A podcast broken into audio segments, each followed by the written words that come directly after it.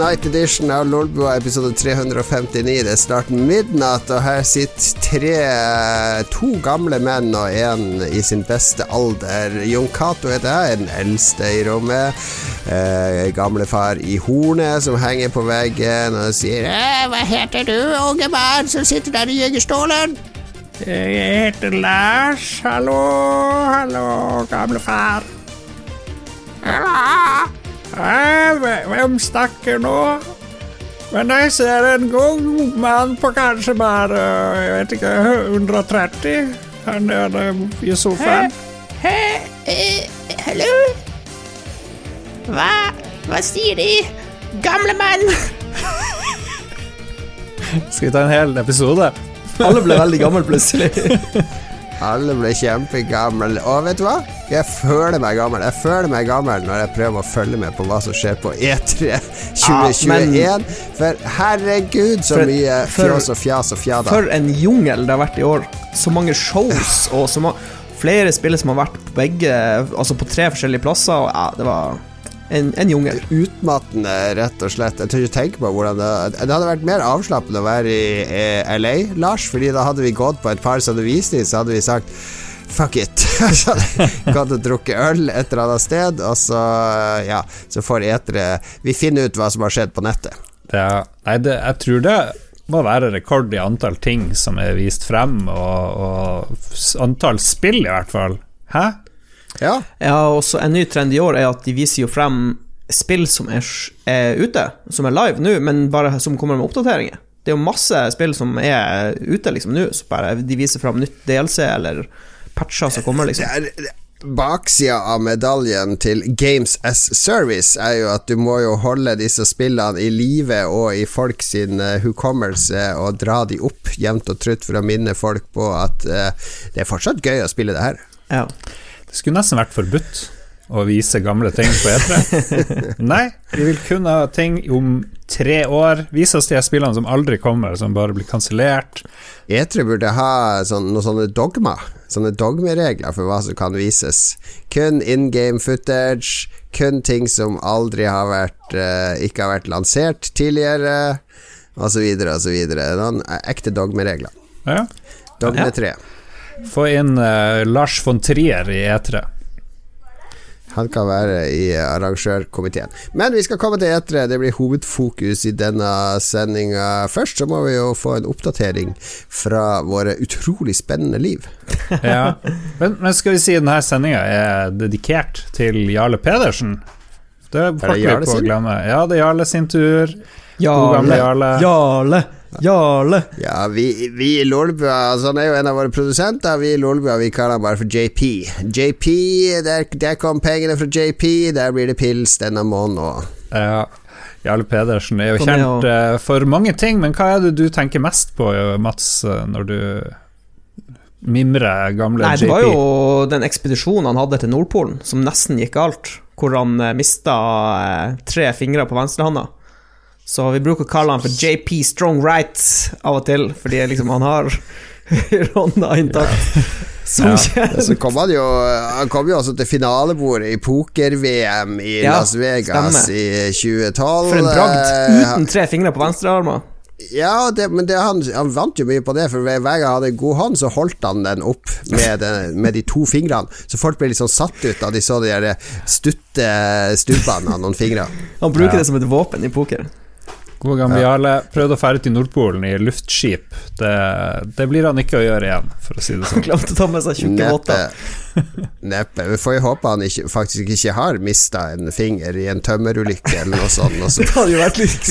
I så fall beklager. bare forsvinner. Beklager, Jarle. Håper du har ti fingre. Ok. Eh, gjør det. Vi er glad i det. Eh, eh, hva har vi gjort siden sist, eh, Lars? Det har vært jubileum, jeg har skjønt. Ja, vi feirer jo ett år på jobben i mm, april, slutten av april, men det var veldig mye korona da, så vi torde ikke gjøre noe. Så da kom styreleder og direktør i selskapet over oss opp. Alle dro til Røkenes gård. Gård fra 500-600-tallet. Har vært i familien seg i ti generasjoner, de som driver der nå. Veldig mye historie, veldig artig. Og så har de fått en ny kokk, så vi fikk en femretter som var helt uh, magisk. Det var noe sånn brennesle, eh, saus, suppe, et eller annet som en av de fem rettene. Det, det var helt fantastisk. Nice. Det var noe av det beste jeg har smakt på veldig lenge. Kult. Brennesle. Tenk på det, karer. Ja, det, vi kan ikke utelukke brennesle i mat.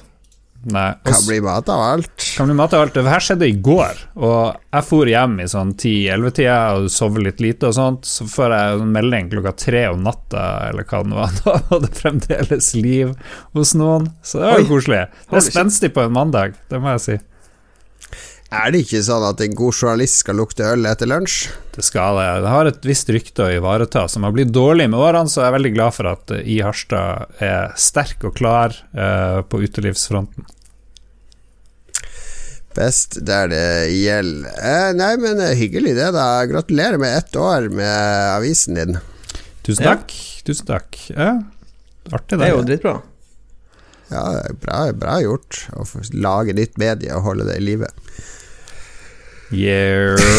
Lars, jeg, Lars leter nå etter Er det ironi? Hvor, når kommer den der eh, satiriske pisken? Uh, Hvor- nei, det var oppriktig vent, Lars. Jeg er glad på, glad på dine vegne. Ja, det er ikke verst. Vi begynte Bro- med fire, nå blir vi ti. eh, Ni komma et eller annet, så det er bra. Det er ikke dumt. Genialt. Men nok om det. Nok om det. ja, Mats, har gjort, eh, du og jeg har sett på EM. Ja, jeg har sett litt fotballkamper, kost meg litt, kommet litt inn i, i sommer, uh, sommerfeelingen, da. Det er noe. Når det er fotball-EM på TV, så er det sommerfølelse. Det eneste som har mangla litt, har vært temperaturen i Harstad. Den har falt som en stein. Det er iskaldt, så mm. Ja, jeg har ikke helt sommerfølelsen, men jeg har litt sommerfølelse pga. EM, heldigvis. Det redder liksom sommeren litt. Det er Her i sykt bra. Oslo så ah, Ja, her har det vært 20 grader pluss eh, nå Oh. i to uker, så jeg er dødslei. Jeg vil ha eh, varme. Vet du hva de sier? De sier jo at eh, det fins ikke dårlig vær, bare dårlige klær. Men er det 30 grader, så finnes det ikke et eneste plagg som Nei. gjør at det, jeg syns det er behagelig å gå ute. Nei, det er, Altså, det er bare løgn. Eh, Formel 1-førerne har sånn der vest som de pumper luft inn i, sånn at du kjøler deg ned. Det tror jeg Det er bare det du mangler. Sånn En kjølevest? antivarme Kjølevest. Tror jeg Mark Webber gikk rundt med sånn før han slutta. Ja. Men det er jo ingenting som er bedre enn å se på TV, sånn som uh, tennis. Det er jo min favoritt. Når det er skikkelig bra vær, når det er sånn sykt varmt, du bare sitter i shortsen, sitter i Drit i sola, sitter inne og ser på sport. Det er litt deilig med sommeren. Ja da, det er fint, det. Jeg har jo stort sett sittet inne i varmen og sett EM, jeg òg. Har du favorittkamp så langt, eh, Mats? Eh, jeg syns England-Tsjekkia var veldig bra. Nei, jeg beklager, ikke, ikke England-Tsjekkia. Eh, hvem var det som spilte mot Tsjekkia? Kroatia eller Slovakia? Nei, det var mot. litt sånn ufortjent uh, seier til uh, uh, Faen, jeg husker ikke Det var litt dårlig. Men jeg syns Det var i hvert fall en bra kamp. Hvem enn som spilte mot Tsjekkia? Det var mot Kroatia. De vant 1-0, England. Eh, Nei, nei, fotball- nei, eh, nei, ikke Kroatia. Tsjekkia. Hvem var det Tsjekkia spilte mot? Ulan Bator. Det var dag to, tror jeg. ja, Jeg skal det, gå det var mot eh, Skottland. Skottland. Skottland, ja. Skott, Skottland spilte en jævlig bra kamp med masse sjanser, Ja. men de tapte 0-2 mot Tsjekkia. Men det var ikke Altså, det, det kunne vært 2-2, for å si det sånn. Det var, det var en sykt bra kamp. Dere vet hva de sier? Min favorittkamp Ja. Fotball-EM eller snøfilm? Det er jo det som jeg lurer på. Alle satt, Hele verden satt og så eh, et kvarter med en mann som fortvilt prøvde å kjempe seg tilbake til livet. Godt hjulpet av eh, lagkamerater og andre. Ja. Det er jo det som er det store øyeblikket. Kommer sikkert til å være det eneste folk husker fra EM 2021. Ja, det blir én ting folk husker, i hvert fall. Men eh, det gikk jo heldigvis bra med han Christian Ja. Eriksen. Spørsmålet det blir å var spille så mye mer fotball. Men uh, ja. Det var grusomt å se på. Men Ja, det kanskje var helt film. Han kommer til Danmark til finalen, og så ti minutter før slutt, Danmark ligger under 0-1, så har de innbytte, sitter en mann under sånn der teppe på benken, så tar han av seg Og det er Christian Eriksen! Rest, restituert! Kommer ut på banen, skårer to på rappen og tar seieren til eh, EM. Det hadde vært eh, Det er sånn filmhistorie. Veldig poetisk at de tapte, da. Mot laget som de bare dominerte, egentlig, i første omgang. Ja, de skulle jo aldri tapt den kampen, og Finland har jo aldri vært med i verken EM eller VM. Men nå har vi mista lyttere, de hater når vi prater om sport. Gamere liker ikke sport. Eh, jeg kan Jeg hadde en sånn selsom eh, opplevelse av de siste ukene, for jeg har jo vært litt på jobb. eh, Med noe onboarding og litt møter og sånne ting. Og så er det jo flere som har vært litt på kontoret, så jeg drev og møtte eh, folk. Eh, Ja. Og det å møte folk og være sosial, jeg har helt glemt åssen man gjør det. Eh, ja, jeg merker at jeg blir, eh, blir så stressa av eh, sosiale situasjoner. Og så gjør jeg sånne rare ting. Og så tar jeg meg inn akkurat eh, eksempel, Det var på kjøkken her, og så var det folk, og så var det oppvaskmaskin og en sånn kaffemaskin. Og så skulle jeg sette en asjett i oppvaskmaskinen, og så var det sånn Ja, hei og hei, og her, der, der, der, litt sånn små, småprat, og så tar jeg opp den oppvaskmaskinen, og så setter jeg meg på huk for å sette inn asjetten. Altså, med en gang jeg setter meg ned på huk, tenker jeg hva er det jeg gjør da? Det er jo ingen som setter seg på huk for å sette noe inn i en oppvaskmaskin. Man bøyer seg jo bare litt framover og setter inn asjettene. Og jeg bare følte meg helt rar. Det, det, det er akkurat som jeg må øve på å være i sosiale settinger igjen. Stakkars ja. Oslo-borgere, sier jeg bare. Jeg tror det er mange som er i den situasjonen. Men husker dere Ja. for en uke siden, da det var litt sånn eh, snakk om når skal Jon Cato få vaksine? Jeg spådde du ble å få det i uka som kom, og vips. Ja, ja, ja. Nå har jeg fått vaksine. Det var i grevens tid, for nå er det ingen som får mer. For nå har de Pfizer bare sagt at vi gidder ikke å sende mer til Norge. Ja, hva er jeg opp med det? Nei, jeg, jeg, jeg vet ikke. Noen som men, har eh, sendt en stygg jo- e-mail til noen i Pfizer fra Norge? Eh, mer eh, Altså, det er som PlayStation 5 og eh, 3080-leveringer, liksom. Det er det mest ustabile eh, systemet i verden. Der. Ja, jeg fikk jo akkurat bestilt meg time 1. juli eh, her på fredag.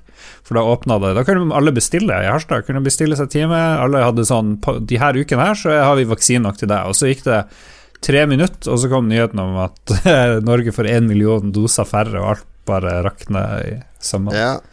Jeg vil jo tro at du får det, det er bare at de må stegge Stegge de neste som skal komme, litt. Eller så blir det Sputnik. Sputnik. Jeg tror jeg. Ta en av hver, for å være sikker. En i hver arm, en i hver lår, og så en i hver rumpeballe. For seks vaksiner, det burde holde. Johnson og Johnson i rumpeballene. Men Jon Cato, da du var på besøk og møtte folk, hva hvis noen tilbød deg en klem? Hadde du, hva hadde du tenkt da? Nei, det skjer jo ikke. Det har ikke skjedd på lenge. Det er ingen, ingen handshakes, det er ikke noe fist bumps, det er ikke noe high fives. Det var, det var mye handshakes, og det var en del klemming eh, her om dagen eh, i, da, da det var jobbsammenheng, feiring. For det var Nei, vi kommer fra et sted ingen korona, dere kan klemme oss, det er helt trygt. Det er ingen som har korona her. Bare Tja, det er jo et godt poeng, for så vidt. Hva er det slags sjefer som skal drive og klemme? Det er jo det mest metoo jeg har hørt. Endelig kommer sjefene opp, styrelederen kommer opp, så bare 'Kom igjen, det er lov å klemme.' 'Å ja, ja, lang klem.' Lang. Nei, nei, ikke, ikke slipp ennå. Dette er eh, metoo-materiale. Stay, stay in there. Det var koselig, men jeg sa sånn Er det her lov? Bare ja, jo, jo. Jeg måtte liksom bli overtalt til å klemme. Så ja, jeg Ja. gjorde jo det. Det var veldig koselig. Veldig hyggelig. Jeg har jo knapt klemt mora mi på et år. Jeg har aldri vært glad i å klemme. Jeg syns det er en helt unødvendig tradisjon. Å, tradisjon. det er flott. Flott å klemme. Du liker jo å jeg kan klemme, dere. Jeg kan klemme de nærmeste. Det er, dere, det er de som er på er helt enig. Jeg liker jeg Alle liker å- andre er handshake.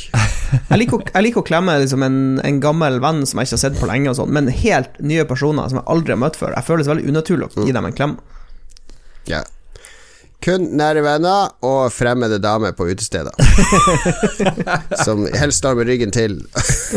ja, det er fred og ingen fare. Kvinner på Seventh Vale og Ok, nå beveger vi oss over i metoo-territoriet. Selvfølgelig skal vi ikke klemme fremmede hvis det er noen som trodde det. Man vet aldri i disse dager, så vi, eh, vi går tilbake på det. Eh, samtykke først.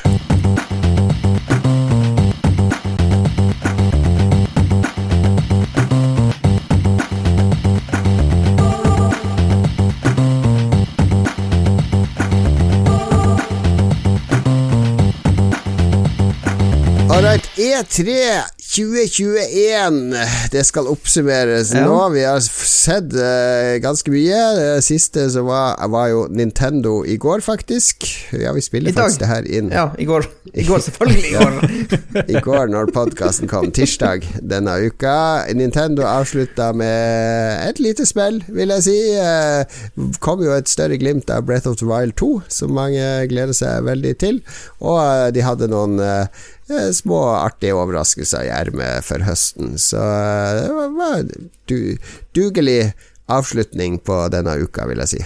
Ja. Jeg har skrevet ned noen høydepunkter fra Nintendo, men Breath of the Wild 2 var ikke et av dem. eh, Fordi det så veldig bra ut, men kommer jeg til å spille det? Jeg vet ikke. Vet ikke. Jeg og Mats snakka om at vi burde ta opp eh, hansken, eh, eller hva det heter. Ja, vi har jo prøve å ikke pløye spilt oss gjennom. det første.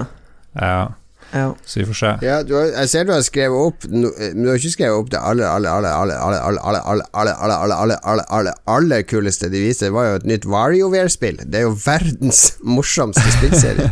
Vi snakka Ja, om jo. det på, Vi så Vi streama eh, Vi streama på en måte Nintendo sitt show. Vi fikk ikke lov til å vise Ok. bilder, så vi hadde sensurert Nintendo-stream. Ja, det var hvis- veldig lite populært. Det var ingen innom det. Det var en ganske Det var, eh, det var et håndfull mennesker som, eh, Ja. som var med oss. Ja, ja, det er bedre å please en håndfull enn Ja. 10 000 Ja. idioter som bare spammer kommentarfeltet. Ja, men hva var greia med at Nintendo ikke ville la folk streame det? For det begynte med at det kom en tweet på japansk. Ja, men det var bare den, det var bare den Og så sa noen tweeten. at nei, den, den tweeten er trukket tilbake, men det var Nei, den ikke. Og så tweeta Twitch at nei, vi, vi har ikke lyst til Nei, å vise Twitch, det. Twitch uh, retweeta bare den gamle japanske tweeten. Så det var ikke noe nytt som kom. Det var bare det, det var én tweet fra Nintendo Japan, på japansk, eh, som alle eh, liksom tok forskjellig eh, ståpunkt til. Så om det var bare til folk i Japan, det vites ikke Ja, vi turte ikke vise den, altså. Vi hadde masse gifs av eh, oss sjøl og sånne ting. Det er mye bedre, det, sikkert. Men uh, Nintendo har vært litt restriktiv på det der, med, også med streaming av spillene sine, monetization på YouTube og sånne ting. At folk viser fram spillene sine på streams, tydeligvis.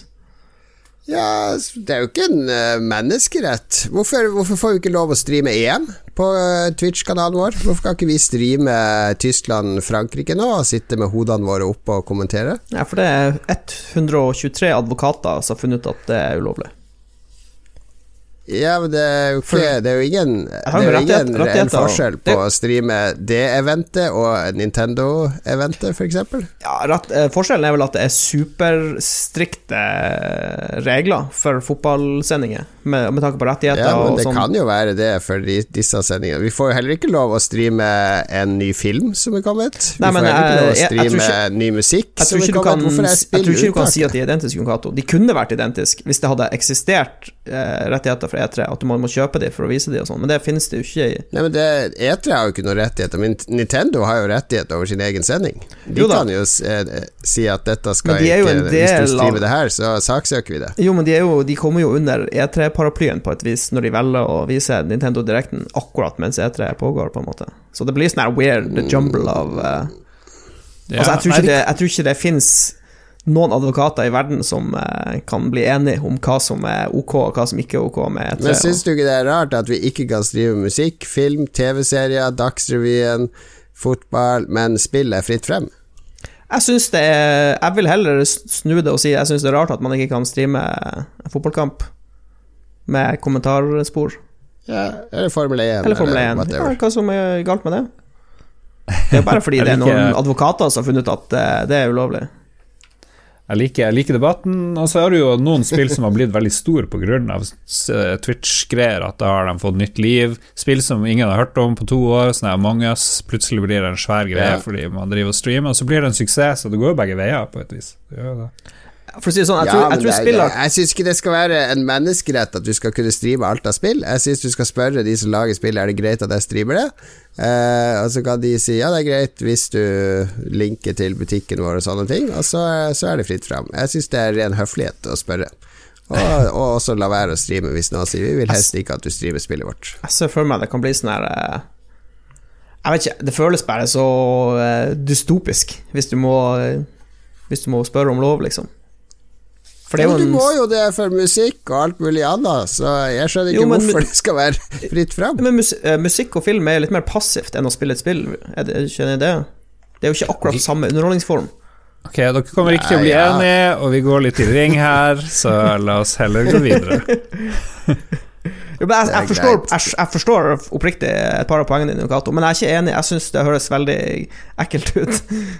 Det er ikke en verden jeg vil bo i. jeg jeg syns at for narrative spill, der du spiller gjennom fra A til B, eh, de kanskje burde man la være å streame, så folk kan eh, faktisk må kjøpe de og oppleve Ja. historien Jo, sjøl. Jo, det er fair. Men sånn som Dark Souls og eh, Tarkov og og alt mulig sånn, det er ferdighetsbaserte spill, det, det er det greit. Men det er nå min mening. Skal du ikke være så sær på det? Skal ikke ødelegge festen bare fordi at jeg mener det motsatte av andre her. Herregud. Nei da, vi kan jo ha det koselig for det. Ja da. Alright, skal vi holde oss til Nintendo? ja, holde til Nintendo. Super Monkey Ball eh, Banana Mania så helt fantastisk ut. Hvem liker ikke Super Monkey Ball? Ja, det har akkurat gått lenge nok til at vi har Vi var jo veldig lei av Super Monkey Ball en periode, for da var det inflasjon i Super Monkey Ball-spill, men nå har de latt det hvile lenge nok til at nå gleder jeg meg til litt jo, mer ja, det er jo Super Monkey Ball. 20-årsjubileum òg. Ja. Ja. U2 hadde ikke venta lenge nok. Det var ingen som hadde lyst til å høre dem, tror jeg, i starten av EM.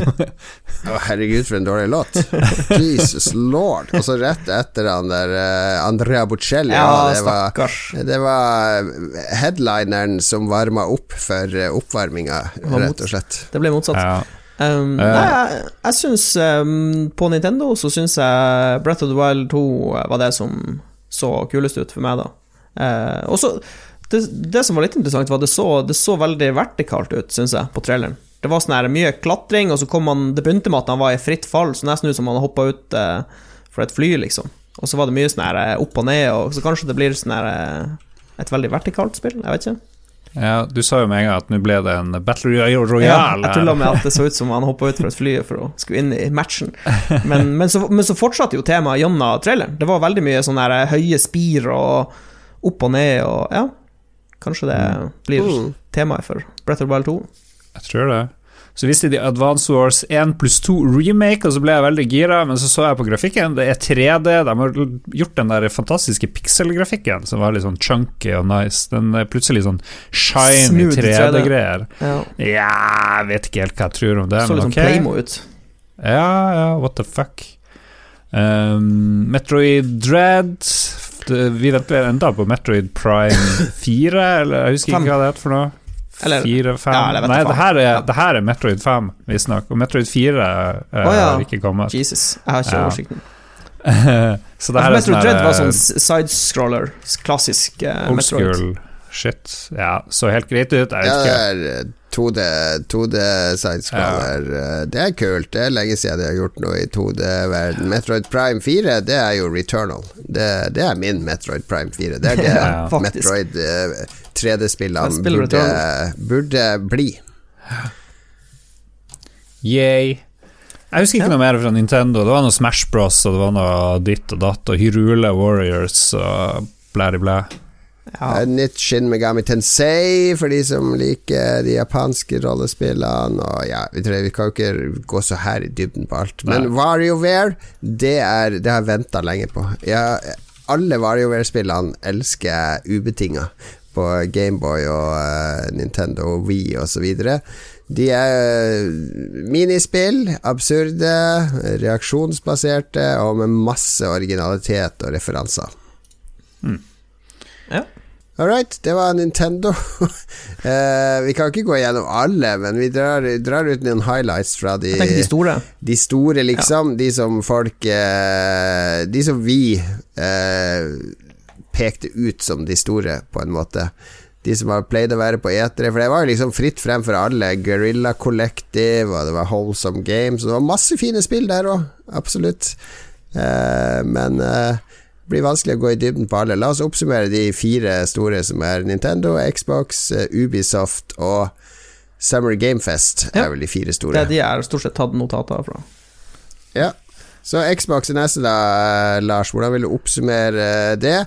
Her kommer disse eh, styrtrike Betesta og Microsoft-folkene ut i hettegenserne sine.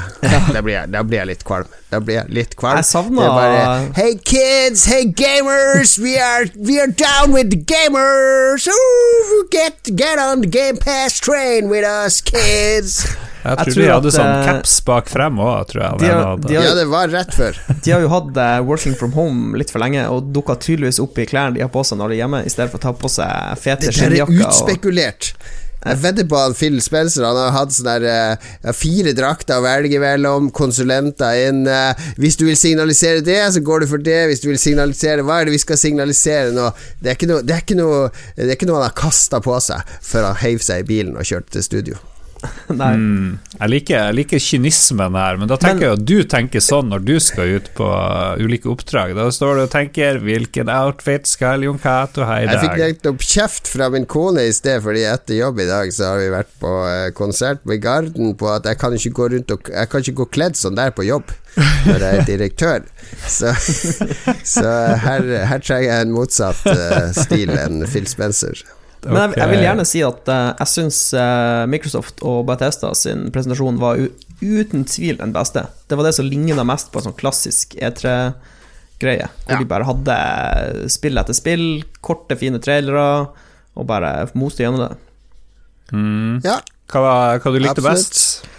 Eh, det der har uten tvil skrevet ned mest. Eh, Atomic Heart så jævlig kult ut. Det er sånn her crazy russisk eh, first person-spill som ingen vet egentlig helt hva handler om. Mm. Somerville så jævlig fett ut. Eh, det er jo han der eh, co-founderen eh, til Playdead som har lagd et nytt selskap som heter Jumpship, som ligner veldig på Inside. Altså det spillet sitt Zoomerville. mm. Eh, Ja, sa, du, man kunne se med en gang at det var inside influence i Ja, er traileren. Og så viste de fram et spill som heter Replaced, som ser helt sykt bra ut på Art Direction. Uh, Det er sånn pixel pluss, pluss, pluss-grafikk. Vanskelig å forklare. Det, det er veldig sånn bra lighting og atmosfære, men så er det litt sånn eh, 16-bit-aktig eh, greie på gang. Det så i hvert Mm. fall mm. sykt bra ut. Jeg, jeg trodde først at de, det var et spill som het The Last Night, som de visste for noen år siden, som hadde fått et nytt navn, men jeg er litt usikker på om det er tilfellet. Jeg tror det er to forskjellige spill, faktisk. Eller jeg vet ærlig talt ikke helt. Mm. Um, Jeg har ikke hørt om noen av de. Hm? Jeg har ikke hørt om noen av de. Okay. Jeg... men du Ja. eh, la merke til Replaced. Eh, Jeg husker ikke noe replaced. Aner ikke. Du var jo med på streameren, var du ikke? jo, jeg fulgte ikke med hele tida. ok, ok, ok. Jeg satt jo og prøvde å komme med dårlige vitser, Ja, det er sant. eh, stort sett. Var... Eh, og så viste Arcane Studios fram en sånn animert trailer til et nytt spill som heter Redfall, som også så veldig kult ut. Eh, og det er jo litt morsomt, fordi det var jo mange som trodde at eh, når Bethesda trademarka Redfall, at det skulle bli et Elder Scrolls-spill. For de trademarka det jo for mange år siden, så tenkte folk å, det blir Red- Elder Scrolls. Men så viser det seg at det er et sånn Det er Arcane Studios, og så er det Det ser ut som sånn her fireplayer coop, eh, et eller annet hvor du slåss mot vampyrer, og så er det magi.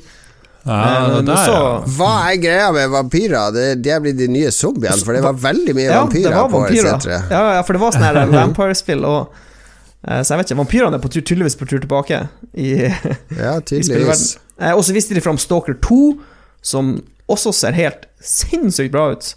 Eh, det kommer i april 2022. Mm. Jeg vet ikke, ja. Du nevner ikke, du nevner ikke X Minifridge, som jo var høydepunktet på hele Ja, de skal lage minifridgen. Det er jo også litt morsomt, da. Ser ut som en Xbox. Eller Forza Horizon 5, som hadde ganske mind-blowing, detaljert Ja, det- eh, det- Det så så bra ut, men jeg vet at sannsynligheten for at jeg kommer til å spille Forza er kritisk lav. Derfor tar jeg det ikke med. Har du ikke GamePass? Hmm? Har du ikke GamePass? Eh, ikke akkurat nå. Men jeg har jo lovd han, han Ståle at vi skal spille gjennom eh, Halo eh, 3, 4 og 5 før Halo Infinite kommer, så jeg må jo skaffe meg GamePass. Jesus lord, du kommer til å angre på det der. Nei da, Halo er kos. Det eneste jeg gruer meg litt til, er Halo 5, for jeg tror det er litt pup. Men eh, Halo 1 og 2 var jo dritbra. Ja, de visste jo Halo Infinite, og i hvert fall multiplayeren, så jo rimelig intens ut. Ja, jeg tror, jeg tror Halo Infinite, både multi og single, kommer til å bli supersolid. Eh, de, har, eh, ja, Mm. de har virkelig jobba med det. Det var veldig mye som kom til GamePass. Så der Sable Hades kommer, Psychonauts 2 og Ja. sikkert alle de store at Hades er ikke lov å prate om, det bryter med dogmen, for det fins Det er allerede.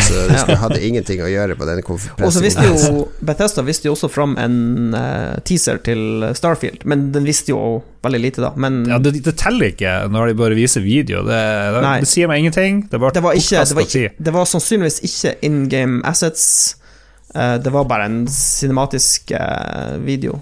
Eh, så Men det Altså, jeg gleder meg jo Men det, det er litt rart at de sier Det det kommer 11. november 2022, og så har de ikke Altså, det er jo ikke superlenge til Det er jo ne november til neste år, og så viser de ikke hvem gameplay eller noe. Det syns jeg var litt mystisk. Mm. Det er jo Altså Det er ikke uvanlig for Microsoft, fordi på E3 i um, uh, Hva var det, 2018? 2019? Så viste de jo et nytt Rare-spill som heter Everwild. Stemmer det, og Eh, det hadde en ganske eh, spennende Ja. trailer. Ja, ja. Eh, og så var det folk som har spurt Ja, hvorfor var ikke Everwild med på E3 nå? Nei, vi fikk det ikke til å funke, så det, vi skrota det, og så har vi begynt på nytt. Så det skal det komme i 2024. Ja. Det er jo nøyaktig det samme for Starfield og alt mulig annet som de viser, som nå skal komme. Ja, slutten av 2022. Det, det, du har ikke noe annet enn noe sånn herre eh, prototype på krykke som så vidt klarer å stå oppreist, eh, som du prøver å få til å funke. Du har ingen garanti for at det du prøver på nå, kommer til å bli bra eller nå målene sine. I hvert fall ikke når du er Betesta, som ikke akkurat har en historie med Altså Ubisoft er noe annet, for de har et system og en studie, studiokultur. De har masse studioer som er som et tog som går framover. Så når de begynner med et prosjekt, så er det masse ting som de vet er ivaretatt og kommer til å funke. Fordi de har gjort det hundre ganger før. De bygger videre på etablerte prosesser og sånn. Jeg tror ikke Betesta har det, det i seg. Jeg Nei. tror de Bare se på Fallout 76. hvordan- Ja, men Fallout 76 er jeg ganske sikker på var C-teamet til Bethesda som jobba på. Jeg tror ikke det var Ja, jeg tror beste. Bethesda har, har ikke et A-team og et B-team, de har et C og et D og et E-team. Ja, det var det E- E- E-teamet. E-teamet som jobba på. Men det er, to, det er et par ting som taler for Starfield. Eh, de har jobba på det lenge, og eh, de bruker en helt ny spillmotor. Jobber på det i 25 år.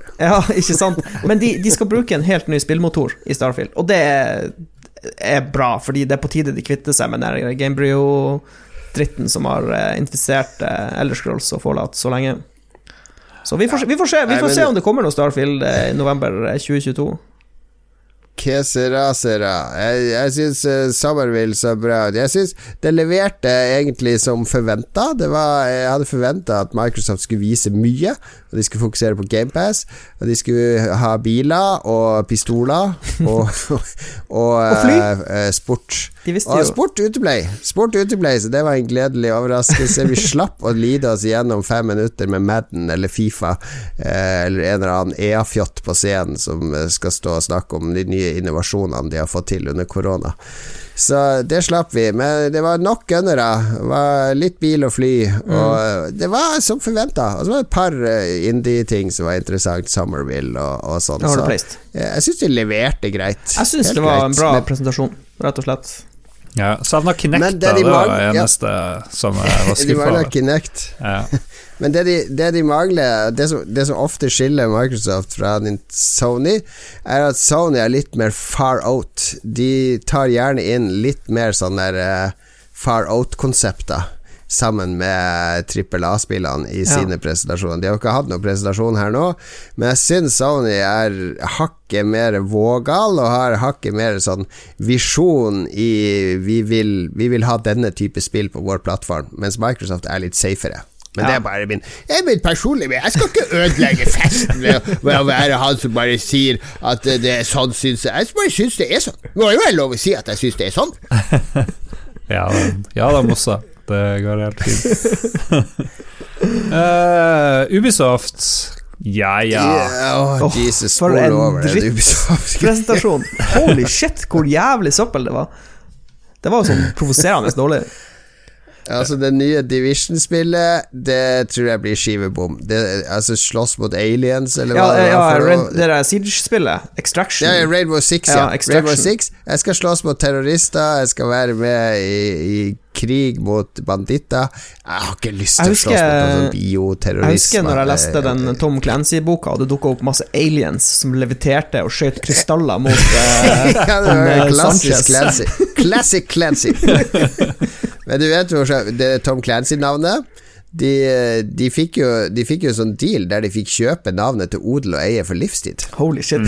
Stakkars Så at de kan bruke det til hva de vil. Han bare ga fra seg hele navnet. Ja, ja, så de kan, de kan lage absolutt hva de vil og Holy putte Tom shit. Clancy på det. Ja, ja.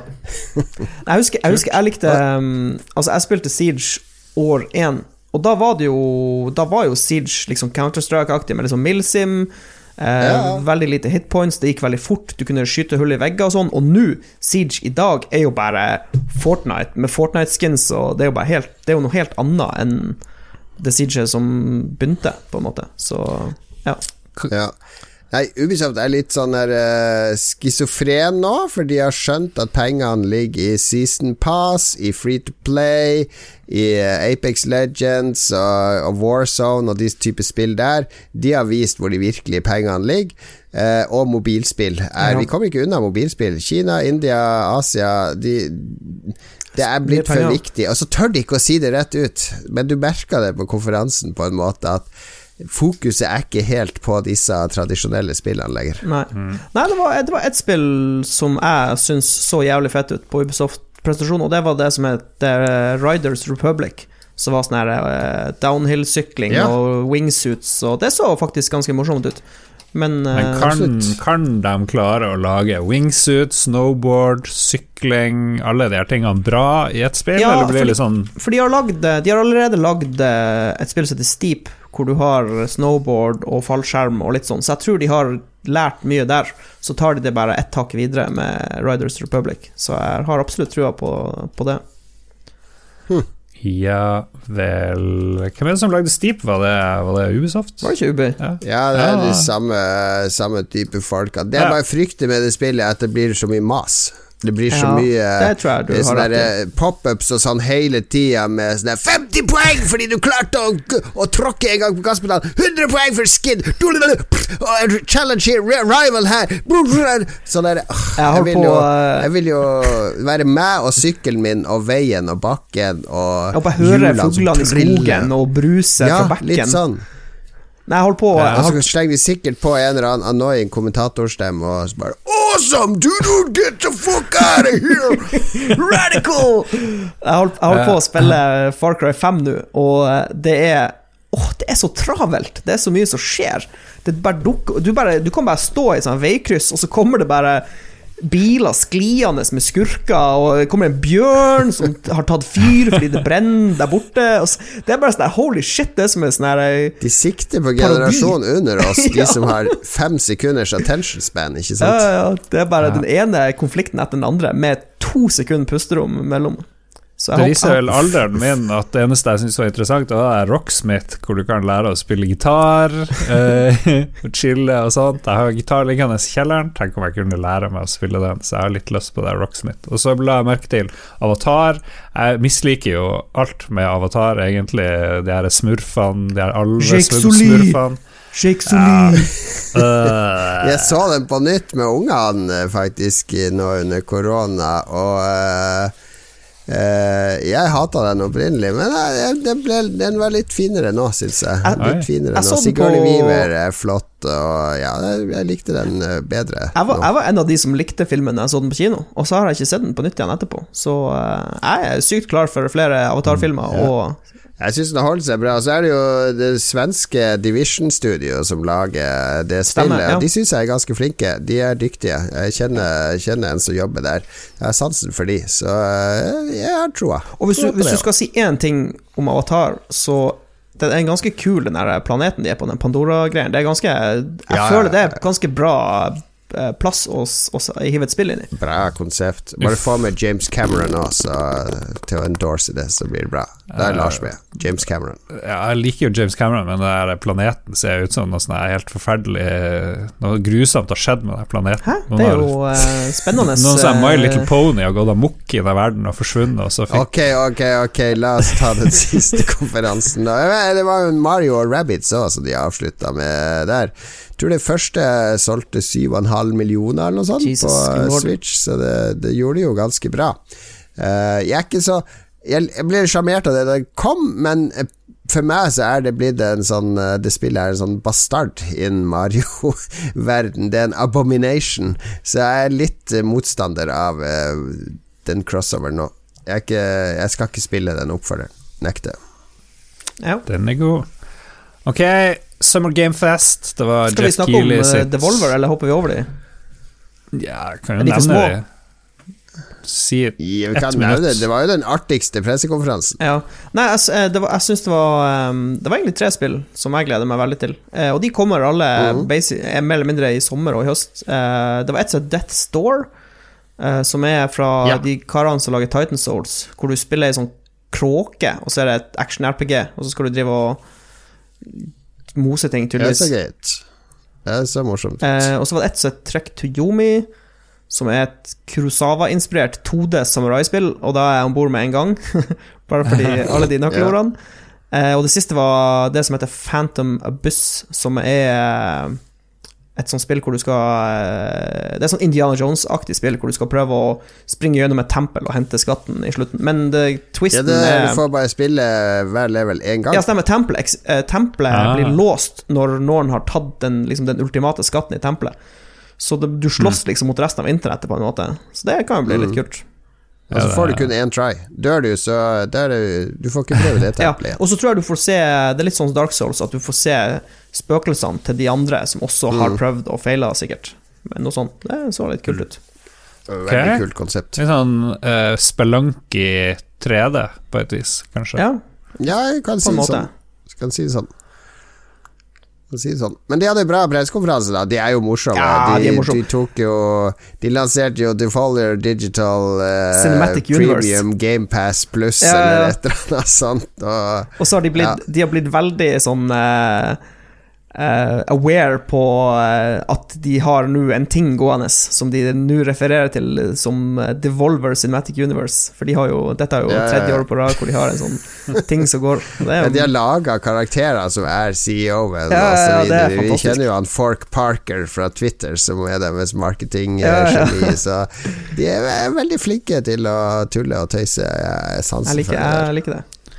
Prøv på nytt. Summer Game Fest med Jeff Keeley. Det var, det var litt sånn glatt og veldig forvirrende og provoserende eh, på samme tid. Ja, det var Jeg ville kalt det for Summer Snorefest.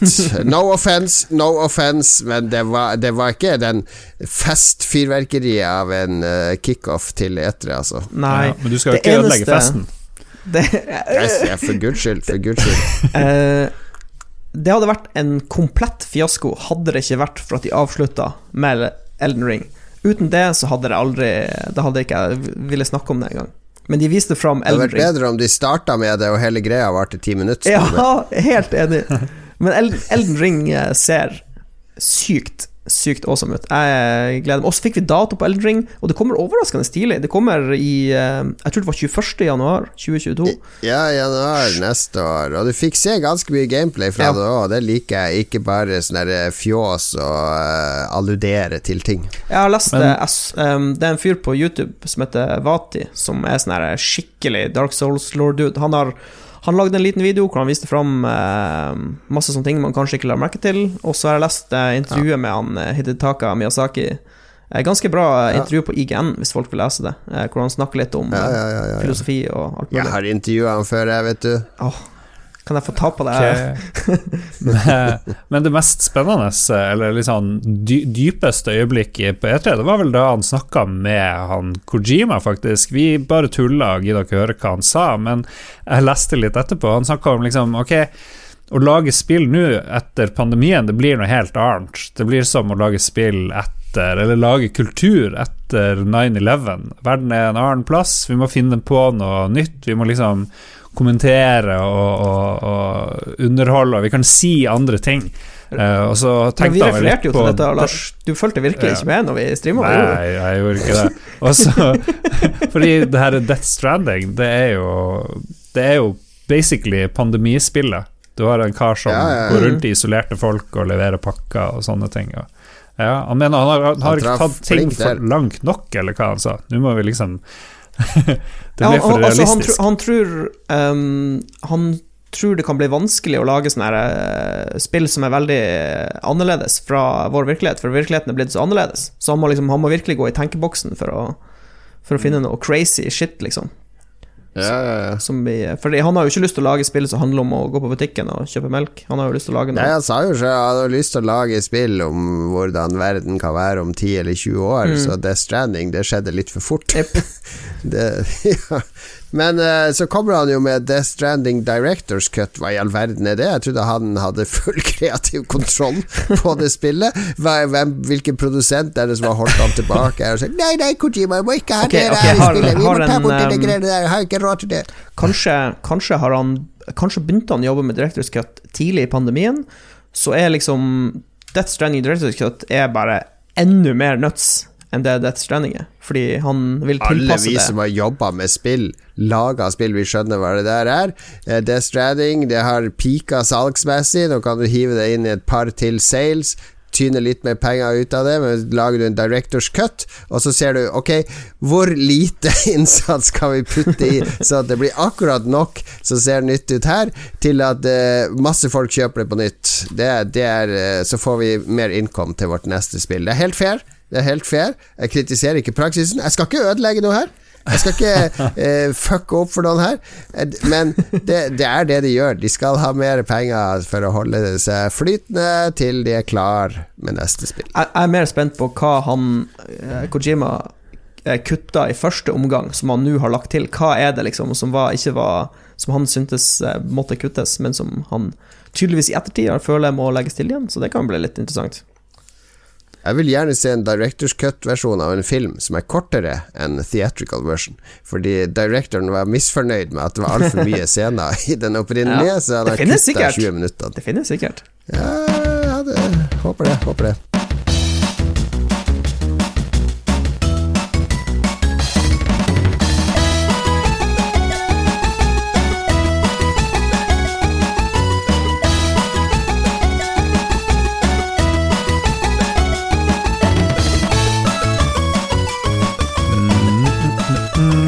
Ok, fire vi tar uh, avslutter vår eterdekning med å si hvem uh, våre fire favoritter er.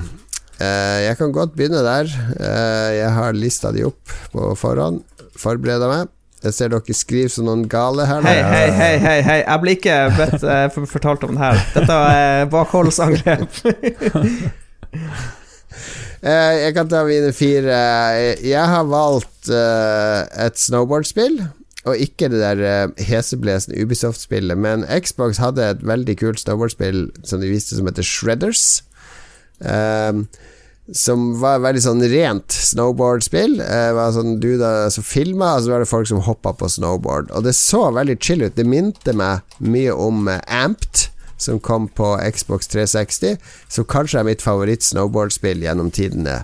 De fleste vil si ja, men eh, Hva med SSX, Jon Cato? SSX er et barnespill. Det er noe fjås. Det er et racingspill som tilfeldigvis foregår på snowboard. Amped det var snowboardkulturen. Det var chill, det var realistisk, det hadde bra soundtrack, det hadde en kul story til og med, der du skulle eh, slåss mot en ond eh, spillutvikler, eh, corporation. Eh, så jeg tror Shredders virker å være i samme ånd. Så helt magisk chill ut. Mitt eh, neste favorittspill er Loot River, som jeg så på en eller annen konferanse. Det er et sånn uh, rogelike uh, 2D top down-spill. Litt sånn Dark Souls-aktig, der du skal slåss mot monster. Uh, men du styrer Du går rundt på masse øyer som er satt sammen av sånn Tetris-brikker, og så kan du styre øyene. Så du kan reise med de øyene i alle retninger og sette de sammen til nye øyer. Så du kan lokke fiender over på en bit av øya, og så dra den øybiten av gårde, så at resten av fiendene ikke kommer med, og ta den ene fienden i fred. Du kan lage nye stier og pass. Superunikt, kult konsept der du manipulerer ikke sant, underlaget du spiller på, samtidig som du skal slåss og dodge og bruke powers. Eh, det spillet ble jeg gira for. Ja, det, det fikk jeg ikke med meg. Det hørtes ut som et spill for meg òg, egentlig. Jeg bare søker på YouTube på Loot River, så jeg ser Det er minimalistisk, men eh, bra, ser det ut som. Og så tar jeg selvfølgelig WarioWare. Elsker det, det har vi snakka om allerede. Og det siste, et magisk svensk spill som ble vist fram på Day of the Devs-streamen. Uh, Toem heter det. Det er et uh, monokront fotograferingsspill med det, det er den peneste grafikken på årets E3, rett og slett. Det, Jeg tror faktisk vi så litt av det etterpå. For vi ble Ja, sittende og se litt på eh, For det var etter Ubisoft-streamen, kan det stemme? Mm, Så var det sånn dev-greie. Ja, ja, ja. Day of the Devs. Det var kanskje Ja. etter den. Nei, det er sånn 2D Det er sånn 3D-grafikk. Du kan rotere rundt, så Han, det han, er Lars ble, isometrisk. han Lars ble så provosert, for på, på et tidspunkt så sa han at Sverige bare lagde store spill.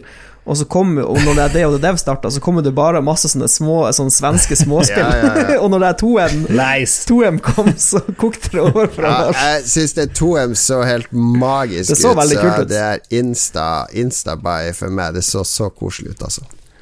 Ja, jeg har uh... Det var mine favoritter fra årets E3. Jeg holder litt indie. Ok, det er bare sånn jeg er. Liker litt sånn indie. Liker ikke det alle andre liker. Det, det ikke, dere kan godt sette på U2, høre på Whitney Houston og alt sånn. Eh, Jeg, jeg blir på festen, altså. Jeg blir ikke provosert av det. Men eh, det er ikke need, min, min stil. I Need a Hero med Whitney Houston.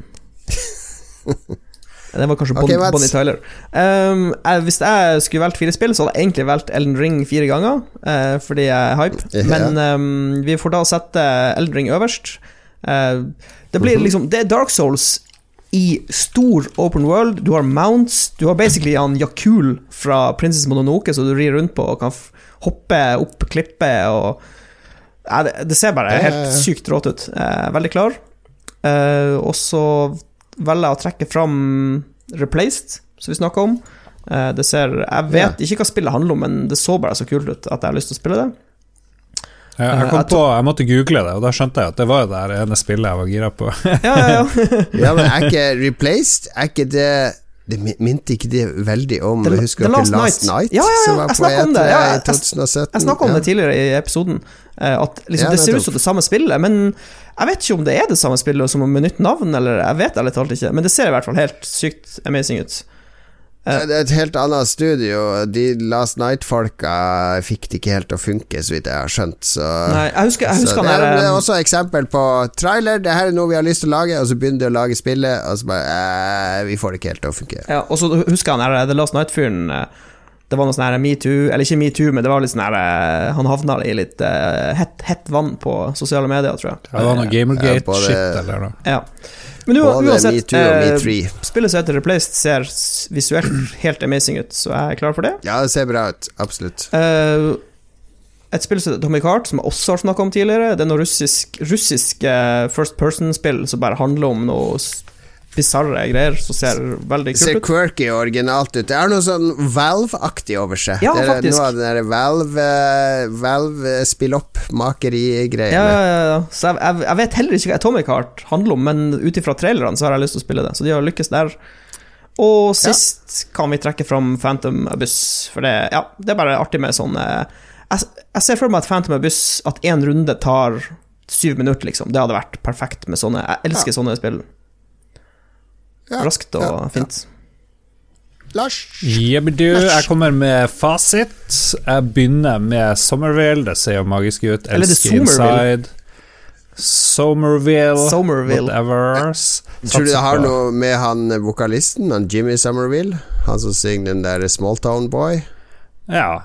Det Run away, run away, run away, run away, run away. Jeg tror han spilte den i traileren, faktisk, så det, Ja, du er inne på noe der.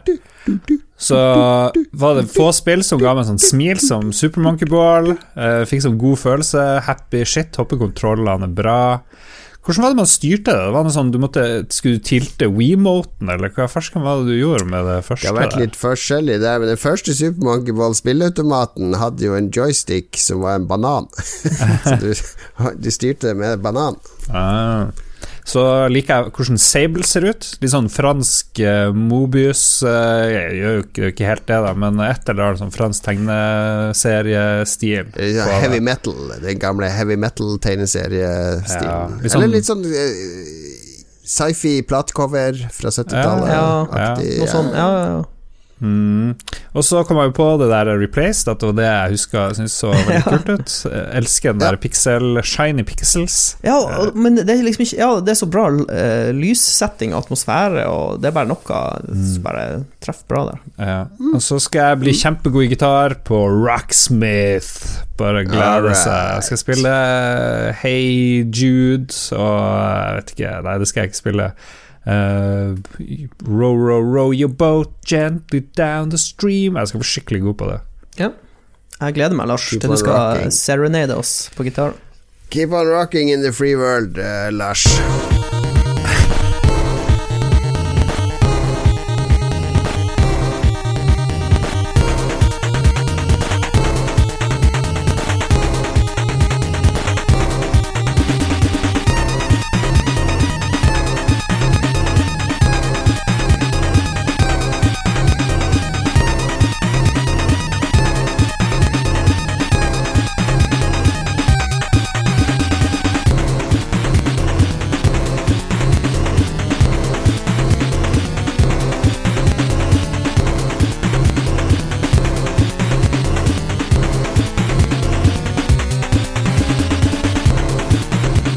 Ok, vi har jo da ikke bare sett etter, vi har rukket å spilt litt siden sist òg. Vi må jo ta med den uh, også. Ja.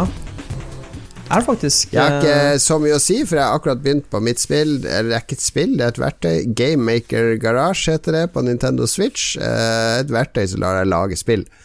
Uh, og det, du må gjennom noen timer med tutorials før de slipper deg sånn ordentlig fri. Eh, fordi du, det er jo basically programmering og triggere og logikk og en masse greier, men det er gjort i den der artige Nintendo-stilen at det blir litt gøy.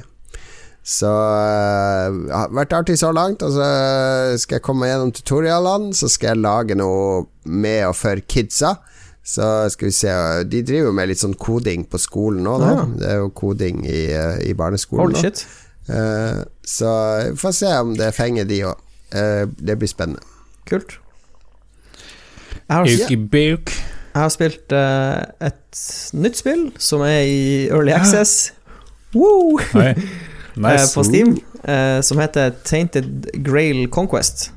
Eh, og det er tenk, tenk dere Heroes of Might and Magic, eh, men at du bare går rundt med en sånn dude, og rogelike dekkbilder. Satt i en verden som er veldig inspirert av eh, Art Arthurian law og eh, keltisk eh, stil. Mm. Ja, bare for å liksom prøve å sette en sånn visuell greie på det. Eh, men ja, det er Du Du vandrer rundt i sånn her eh, skummelt landskap. Eh, det er noe som har begynt å spise opp virkeligheten. Eh, du, eller du har egentlig havna i et slags limbo som heter Vurdnes, hvor ting ikke stemmer helt. Det er som en slags eh, David Lynch-limbo. Og så skal du prøve å drepe alle bossene og rense plassen, da. Så kan du velge mellom klasser, og så bygger du opp helten din med sånn dekk. Du, all combat foregår med dekk, så du bruker kort for å slåss, sånn som i Slay the Spire og eh, Monster Train og de typer spillene der. Eh, og så er det rogelike, så du, hvis du dør, så er, du ferdig. Så må du bare prøve et nytt run etterpå. Ja. Men eh, Kan du, ganske beholde, bra kan du beholde mellom rundene? Eh, Det du beholder mellom rundene, er Du får veldig mange forskjellige ressurser. Det er derfor jeg heiv inn den Heroes of Mad Magic-sammenligninga. Fordi du driver og samler på sånne ressurser som gjør at du kan gjøre deg litt sterkere. Så jo mer du spiller spillet, jo lettere blir det på en måte, eh, hvis det gir mening. Eh, du kan jo selvfølgelig drite i de her oppgraderingene hvis du, hvis du er sykt hardcore. Eh, men det som skjer, er når du klarer spillet, så går Så kan du skru opp vanskelighetsgraden. Det er litt sånn som Monster Train. Hver gang du klarer det en gang, så kan du gjøre det litt verre for deg sjøl. Så det syns jeg er en ålreit måte å gjøre det på. Eh, og så er det Jeg syns det fungerer veldig bra eh, balansemessig. Dette er et spill hvor du virkelig kan breake spillet med Altså, du kan få en kombinasjon av enten klassen din, eller noen kort du får, eller noen items du finner som kan gjøre at du bare Ok, nå kan jeg bare cruise inn til seieren, for nå har jeg bare ødelagt det helt, liksom. Og jeg, jeg syns det er morsomt med For det skjer ikke så ofte. Ja. Men det er, ja, det er et morsomt spill. Det er jo sånn Slay the Spire har jo spåna alle disse Yes, ja, det er, det er Slade Spire-klone, bare i at i stedet for at du Her har du eh, en del av spillet hvor du faktisk vandrer rundt i en sånn eh, spooky skog, og så har de laget Ja, en sånn litt. game mechanic, eh, fordi det der Vurdnes-greien som har spist opp eh, virkeligheten, eh, du har sånn lys du kan tenne for å beskytte deg mot det. Eh, men når du går rundt, så brenner lyset sakte ned, og så har du et begrenset antall lys. Eh, Så du kan ikke utforske Eller du kan utforske hele kartet, men da kan du risikere å gå tom for sånne lys. Og når du går tom for de lysene og går inn i kamp, så kan du få negative kort inn på handa, så du må bruke ressurser for å spille bort. Så jo mer du vandrer rundt, jo verre kan det bli. Men eh, ganske ja. morsomt spill med mye forskjellig inspirasjon. Åssen er tittelmelodien? Uh, vet du hva? Når uh, det der åpningssporet begynte å spille, så tenkte jeg Diablo. For det er, sånn her, eh, det er en sånn lutt, og så er det Du vet den der Tristram i Diablo-sporet? Ja, ja, ja. Jeg tenkte sånn Holy shit, har de bare kopiert det? For det var veldig likt. De- Det er litt sånn klisjé, det. Ja. Når du sa det er Tainted Grail, så tenkte jeg selvfølgelig på den klassiske 80-tallslåten Tainted Love med en gang. Den der Sometimes I feel I've got to run away, I've got to get away, og så videre. Må, Så det er bare den som har surra i hodet mitt hele tida mens du har prata. ja. Nei, men eh, det er et ålreit. Hvis du liker sånn deckbuilding, rogelike deckbuilding-spill, så det Jeg må innrømme det begynner å bli litt mange av de, men dette fungerer veldig bra hvis du liker sånn type spill. Veldig fresht og nytt. Yes, yes. Deckbuilding eh, Jeg vet en som ikke liker dekkbuilding, og det er han Max Verstappen. Tok du den? Han punkterte. Dekk, Dekkbuilding. Litt Formel 1-humor.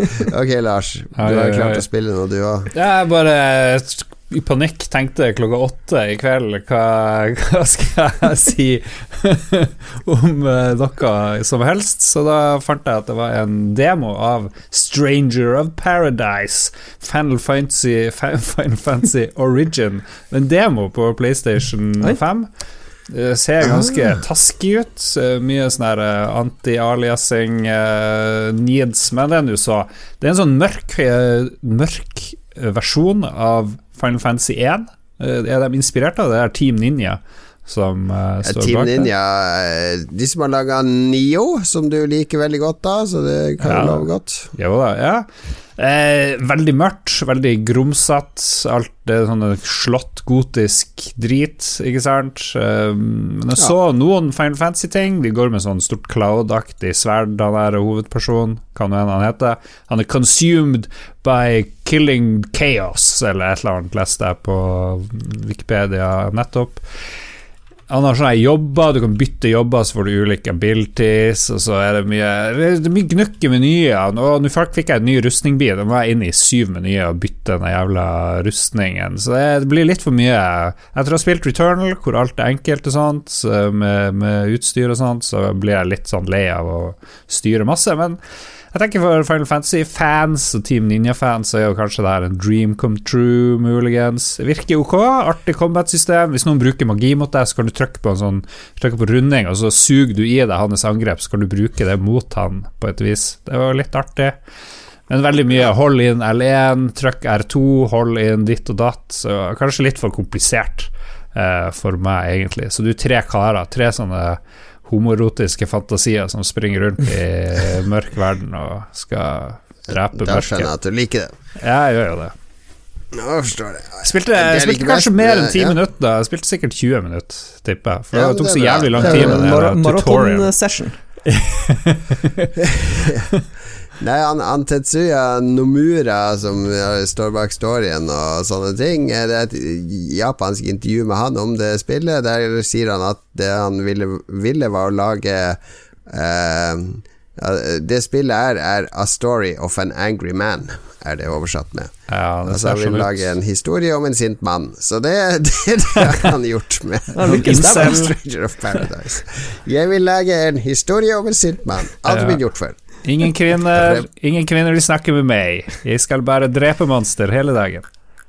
Nei, de, Team Ninja har vel ikke de beste kvinnesynet. De brukte jo på etere, husker jeg De hadde jo sånn der kvinnewrestling og okay. sånne ting. De, de var jo kjent for Dead or Alive-serien òg, det, det publisheren. Ja, de hadde ikke, ikke, kanskje ikke de beste kvinnesynene de har.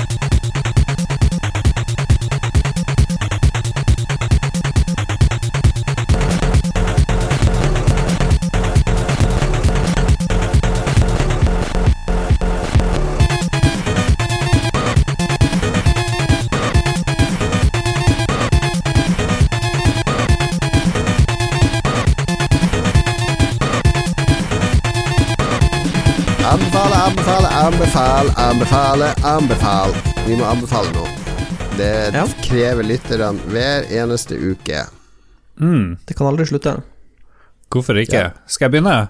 Ja, Lars, hva du Ja, har på hjertet? anbefal. Hva du føler at liksom noe av dette er, er bra for oss, som du har lyst til å anbefale til oss? Jeg har drukket én liter av det, så Oh, jeg shit. føler meg enormt kvalifisert til å anbefale Halmstad Crush, Cloudy Mango og Passion Fruit. En eh, cocktail. Jeg trodde det var øl da jeg kjøpte det. Jeg så å, mango. Men det er en mer frisk, eh, snappy rusbrus? sak. Rusbrusaktig greie. Men det er ikke, den er kanskje litt søt, den er kanskje veldig søt, men jeg syns den var grei. Hvis du skal bare ha en halvliter, så funker det greit. 4,5 prosent og du får ikke lov å herme på dine anbefalinger, Katte. Ok. jeg satt og drakk den da jeg var gjest i uh, Likos univers her om dagen. Ja. Var, var der på inspeksjon fra ledelsen i Lolbua for å se hvordan de har det. Uh, følg med der for Var det rapporten. 0,5 liters boks? Ja, stemmer det. Og Ja. veldig frisk, veldig nice. Jeg, jeg syns jeg kjente noe pineapple-hint, men Litt det er jo selvfølgelig bare 6% juice i den boksen, da, så det er jo ikke så mye å skryte av. Altså det er 94% sukker? Jeg vil tro det. Sånn, sånn går nå dagene. Det er en fin Men det, sommerdrikk. var det alkohol i det her, eller var det bare en sommerdrikk? Ja, det er 4,5 standard. Ja, nettopp. Ok. Ja. Ja. Det noe, du, du drikker deg ikke full, du drikker ikke tre liter med det der. Nei, det går ikke. Det går ikke. Ja, da Du høres ut som du mer, dør. Ja. 3000 Men- kalorier, flytende kalorier. Men når det nærmer seg 30 grader og, og sånt, da tror jeg den her er perfekt. Hva med når det, du er i Harstad og det er 8 grader og overskya? Det var helt greit. det, funker, det òg. Okay, jeg kan bra. lure deg sjøl til å tro at det er sommer ved å drikke noe Ja, men kanskje? Du, vet du hva? Jeg kjøper meg en sånn, og så spretter jeg den når, når en kamp starter. Så får jeg sikkert ultimate Ja. summer feeling. Kan også kjøpe noen hundre kilo med sand, så du strør rundt i, et, eh, i leiligheta di, og så går du barføtt rundt, har varmen på fullt, lukker øynene, så Åh, jeg er i Syden. Du, du, du. Nå er det jeg liker, jeg liker det her. Jeg skal holde meg inn leske, den leskende drikkes eh, rike som Lars uh, lokka meg inn i. Eh, og det, det er ikke for å kopiere deg, Lars, jeg hadde faktisk tenkt å anbefale det, fordi jeg var barnevakt på fredag, min, eh, ned på lørdag. Min kone var på kanotur med venninne, eh, med overnatting. Altså Tour min, de eh, Fis? Nei, hva det heter når det er det min- motsatte? To- Tour de Coq. ja. Klovn the movie må ses. Ja, dem om det. Dem om det. Jeg legger meg ikke opp i hva som skjer på kadoturen til min kone. Det blir på kadotur til min kone. Men uh, jeg skulle være barnevakt for min uh, svigersøster, søstera til, til Synne. Uh, for hun har tre barn, og den minste er jo bare litt over ett og et halvt år, eller noe sånt. Nesten to år, tror jeg. Eh, og de skulle på barneteater med de to eldste, så om jeg kunne passe det barnet i tre timer. Og spurt alle andre i familien først. Alle bare Nei, nei, nei, vi er opptatt, opptatt, opptatt. Så tenker jeg jeg har ikke noe bedre å gjøre. Jeg sitter jo hjemme med kids, jeg kan ta med min yngste sønn ned, og så kan vi legge den ungen. Det er bare gøy. Jeg, jeg hadde sjelden jeg, jeg, jeg, jeg har godt barnetekke. Jeg er glad i å Ja, jo- Det er så lett å manipulere barn. barn. Ja, det er så lett å manipulere barn når de er små. De er ganske dumme, det syns jeg er litt gøy. så, så, det, Du har så mye makt. ja. Og, ja, så vi, var det kos og lekte, og så ble jeg litt nervøs når mora dro, og det er jo det som er litt sånn kritisk når det er barnevakt, den legginga med små barn, som ikke er litt sånn helt sånn trygg. Men der har min takt, jeg har en sånn knallbra taktikk der, det er alltid gi de to valg. Og så er det akkurat som i dataspillene, det var en illusjon av valg, for du leder de jo bare mot en uunngåelig konklusjon, at du skal ligge og sove i den senga, men det er sånn der Vil du ta på pysjamasen her, på rommet ditt, eller vil du ta på den oppe i TV-stua? Oppe! så sånn, yes, det, ungen tror den bestemmer, men du lurer. Vil du ligge her og se litt på TV under dyna på sofaen, eller skal vi gå ned og lese bok? Ligge her. Så jeg sovna jo ungen foran TV-en, og da var jeg så fornøyd. Hadde fått til det uten å skrike. Og da når du er barnevakt, vet du, da har du lov til å forsyne deg. Det er litt sånn barnevaktens regel, er at du kan gå i kjøleskapet til de du er barnevakt til, og bare ta whatever de har. Ja, det ikke er sant. Du kan Det stemmer faktisk 100 Ja, det, sånn er det. Det, er, det er, står i Grunnloven, rett og slett. Fant du noen godsaker, da? Nei, de hadde jo Jeg skulle jo kjøre hjem der, så jeg kunne ikke ta noe alkohol, men jeg så jo etter noe brus eller noe sånt. Men det eneste jeg fant, var en Klaustaler Radler Lemon, eh, som var en sånn gul Klaustaler-boks. Og jeg er ikke så veldig glad i sånn der alkoholfritt øl, for det smaker jo Altså, øl i utgangspunktet er ikke verdens beste ting å drikke, men man blir jo litt rusa av det, så da er det jo greit å drikke. men alkoholfri øl er jo meningsløst. Men jeg tenkte, det var det eneste som var der, så ok, jeg gir den en sjanse. Og den, det smaker jo ikke som øl. Det er sånn der eh, mer sånn San Peregrino, litt sånn der sitrusfruktdrikke. Bare så utrolig fresh og god. Så jeg nesten styrta den boksen. Den var så god. Så det, på vei hjem fra den barnevakta så var jeg innom Rema og kjøpte åtte sånne bokser med Klaustaler Nice. Radler Lemon. Det kan jeg virkelig anbefale, som, også som sånn repareringsdrikke dagen etter. Eh, frisk og god og iskald. Åh, det var godt. Smooth. Nei, nå har jeg jo Nå blir det jo dilemma. Skal jeg kjøpe den, eller skal jeg kjøpe Halmstad Crush Cloudy Mango og en Man passion kjøper Kjøpe begge og måler de opp mot hverandre. jeg tror vi må ha en liten, eh, en liten drink-off her. Ja. Eh, Ok, min anbefaling Jeg kryper tilbake til eh, Trygghetens vugge, som er dokumentarer, og har eh, enda en dokumentar jeg kan anbefale. Denne er litt lengre enn den forrige jeg eh, anbefalte, som var en sånn kort, eh, kort fin dokumentar. Dette er en greie fra 2015 som gikk på BBC, eh, lagd av en fyr som heter Adam Curtis. Eh, den heter Bitter Lake, og um, den handler opprinnelig om eh, wahhabisme eh, i Saudi-Arabia, og eh, hva er greia, liksom. Men du Og kalte det? Wahhabisme? ja, wahhabisme er en av de eldste eh, ekstreme formene for mus, eh, musli, den muslime tro. Eh, det er liksom sånn her Ja, ja, ja. super old school eh, islam, eh, hvor du vil du, Den de, de, de praktiserer i Saudi-Arabia, ja, det praktiseres Altså, wahhabisme er mer eller mindre rota til mujahedin, Taliban, ISIS Alle de guttene der stammer fra wahhabisme. Det er liksom opphavet. Eh, de vil basically Ja. De vil dra tilbake til gamle dager og leve sånn som det var da. De vil ikke ha teknologi, de vil ikke ha eh, rettigheter for damer. De, de, vil ha, de vil tilbake til det eldgamle samfunnet.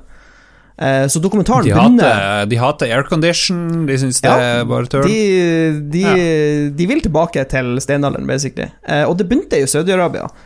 Eh, men så, med alt, så skjer det jo ting. Det blir mer eller mindre eksportert. Så dokumentaren flyr jo veldig fort til Afghanistan, som har vært en sånn eh, spillebrikke eh, mellom eh, Storbritannia og Russland og USA i de siste 100 årene. Eh, og så flyr dokumentaren litt sånn frem og tilbake. Den er litt i Afghanistan, og så er vi litt i USA. Litt frem og tilbake. Og så er det mye kul musikk. Eh, det bruker bare sånn eh, arkivfoto fra eh, ja, ymse konflikter og Ja. diverse greier. Men veldig sånn morsom dokumentar. Det er en litt sånn syretripp til tider. Og så er den litt frenetisk i tempo. Eh, den dveler litt, og så hopper den videre, og så dveler den litt, og så er den litt sånn frem og tilbake. Men det er veldig fascinerende og ganske lærerik eh, dokumentar, hvis du har lyst til å lære litt om Afghanistan og Saudi-Arabia og wahhabisme generelt. Men den, den tar ingen side, på en måte. Den, den kritiserer begge sidene. Eh, det er ingen som vinner yeah. i den dokumentaren her. Så Ja. ja. Eh, hvis du er interessert i ditt emne, eh, wahhabisme, Jeg Saudi-Arabia og Afghanistan, så er det verdt å sjekke ut. Jeg har putta den på min radar nå. Ja. Er det sånn at whataboutisme, er det sånn spawn-off av whatabismen? Det vites sikte.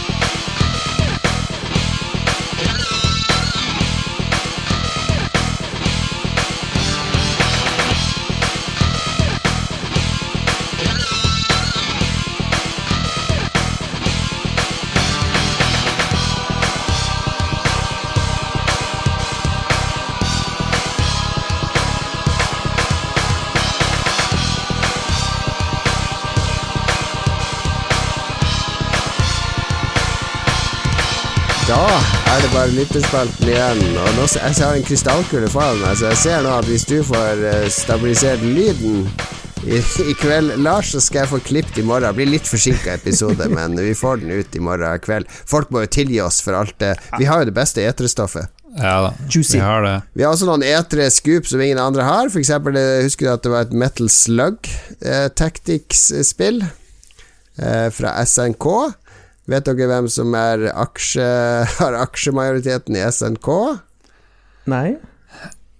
Det er den saudiarabiske kronprinsen som beordra drapet på han journalisten. Holy. For han er superinteressert i spill. Han har også bitte litt aksjer i Ubisoft og andre spillselskaper. Bruker han sine oljemilliarder. Men han er aksje Han er aksjemajoritet i SNK.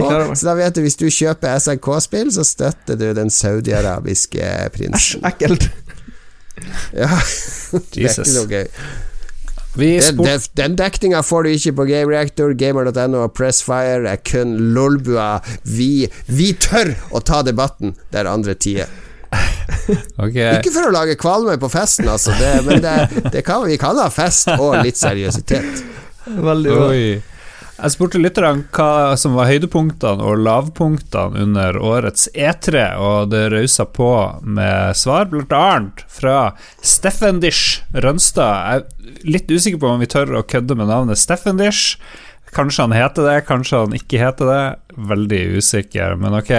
Og han sier før dere prøver på noe funny business, så var Symphony of the Night, nei, eh, Sea of Thieves et absolutt høydepunkt. Nei, vet du hva, når de kom med Pirates of the Caribbean, Sparrow, nå eh. tenkte jeg Nå er det i hvert fall uinteressant. Jeg hadde blitt gladere for en Kaptein Sabeltann-expansion enn Pirates For å si of det sånn, vi, vi, satt, vi hadde jo stream da, og han Ståle var med på streamen, og vi snakka så mye at han Ståle disconnecta fra Discord for å se traileren i fred, og så kom han tilbake igjen etterpå. så det, det er enkelte som er mer hypa enn andre, for å si det sånn. Jeg har aldri sett en hel Pirates of the Caribbean-film. Jeg så den første, Den første er bra, Den første så ble det ja. og jeg av. utrolig søppel etter hvert, dessverre.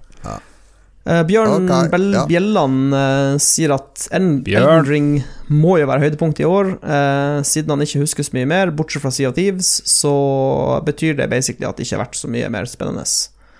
Jeg er litt uenig der. Jeg syns det var Det var jo det var, det var mye Det var litt for mange presentasjoner, det var det. Men uh, Ja, det er too much. Ja, men uh, det, I gamle dager så reiste jeg og Lars dit, og så kom vi hjem med kofferten full, og så sorterte vi, og så sa vi 'dette er høydepunktene'. Så slapp du å tenke på alt det andre. Nå må du filtrere sjøl, og det er, det er det er mye jobb. Ja. Kan har dere sjøl å takke for det? Ja, ja, ja. Christopher Lien, han er akkurat eh, Jeg tror han uh, samboeren til Bjørn Bjelland, kanskje, for han også er høydepunktet Elden Ring, lavpunktet resten i capslock. Det kan hende de bare så den første presentasjonen, da. At de bare så Ja, Summer kanskje. Game Hva er George R.R. Martin sin uh, Hva er det han har gjort i Ja, det spillet, eh, det, egentlig? det kommer faktisk frem i intervjuet med IGN. Uh, ja. uh, basically så har han eh, hjulpet eh, From Software og lage verden, altså lauren bak verden. Eh, skrive karakterer og liksom lage sånne eh, Sikkert sånn flowcharts med hvem som er knytta til hvem. Men selve spillet og, og narrativet og alt det der, det er eh, gode, gamle Hidetaka Miyazaki som står for. Ja. Så jeg tror bare han, altså, Jordan Martin han, han har satt seg ned med en name-generator, og så har han lagd en sånn liste med 250 navn, og så har han bare fylt ut med hva alle navnene er. Det jeg frykter aller mest, er at det kommer sånn DLC til det spillet med Tyrion Lannister og så der eh, Sånn de skal begynne Det sitter sikkert noen sånne pengefolk langt der oppe. 'Dette er gyllen mulighet! Crossover! La oss få en Game of Thrones sammen med Dark Souls!' Money, money, money, money. Heldigvis tror jeg gutt, han mye sak Miyazaki har så god integritet at det, tvi- det, jeg tror vi slipper det, heldigvis. Jeg håper det. Jeg håper det. Eh, Thomas Holmedal, Lars. Thomas Washington Holmedal. Faktisk. Ja. Washington? Ja, det er jo mellomnavnet hans. Eh, han hadde egentlig ingen høydepunkter. Det var kanskje Battlefield, selv om han egentlig ikke er noen stor Battlefield-fan. Men vi må jo nevne Battlefield. Det var en ganske bra trailer, da. Det må jeg si. Litt ja, kul altså musikk. Battlefield, Battlefield 2042 ser amazing ut, men jeg venter, jeg venter på eh, å faktisk få spille det sjøl. Men det ser ut som de har bare sluppet seg helt løs med tanke på galskapen, og det lover bra. Ja. Jeg syns det var litt mye mas med det. Det så ut som det var sånn storm Ja, hele tida, hvis, hvis, hvis den der ja. tornadoen der dukker opp hver runde, så kommer det til å bli krise. Den Ja, må være sjelden. Den kan Gidder ikke komme hver runde. Jeg vil slåss i sola. Ja? Sol og lett bris, ikke noe mer. Det gidder jeg ikke. Eh, Du vil slåss med en Klaus-Tale Radler Lemon i den ene armen. Ja. Ja. uh, Kristoffer Getboys Hansen uh, Han er også litt med på Elden Ring-toget. Han sier det må være høydepunktet. Eh, han likte Microsoft. Eh, lavpunktet må være Ubisoft. Eh, han vet ikke hva han forventer, men han forventer mer. Det vil jeg si er ganske spot on. Ja. Hva er lavpunkt? Hvem har innført det ordet? Jeg vet ikke. Er det ikke lov til å si lavpunkt? Eh, jo, jeg eh, hvis det finnes høydepunkt, så må det finnes lavpunkt. Sånn er det Ja, det, det, er, det er sånn rød strek under det i Google Ja, det gjør- det gjør det. Docs. Han det ordet mener- overalt. Så. Det er rød strek under forventet også, så det tror jeg òg er lov å si. Bunnpunktet, det likte jeg bedre. ok. Carl Thomas Aarum, vår gode venn, har vært gjest før og eh, har, eh, har bygd et eh, fantastisk intimt lite Street Fighter-community. De er ikke verdens beste i Street Fighter, men de har det veldig morsomt når de spiller gamle Street Fighter. Han har gitt tomla opp og tomla ned. Tommel ned til Rainbow Six Extraction, der er han helt enig med oss. Gjør serien helt uinteressant. Tommel ned at vi ikke fikk noen kule shadow drops, så vidt han har sett.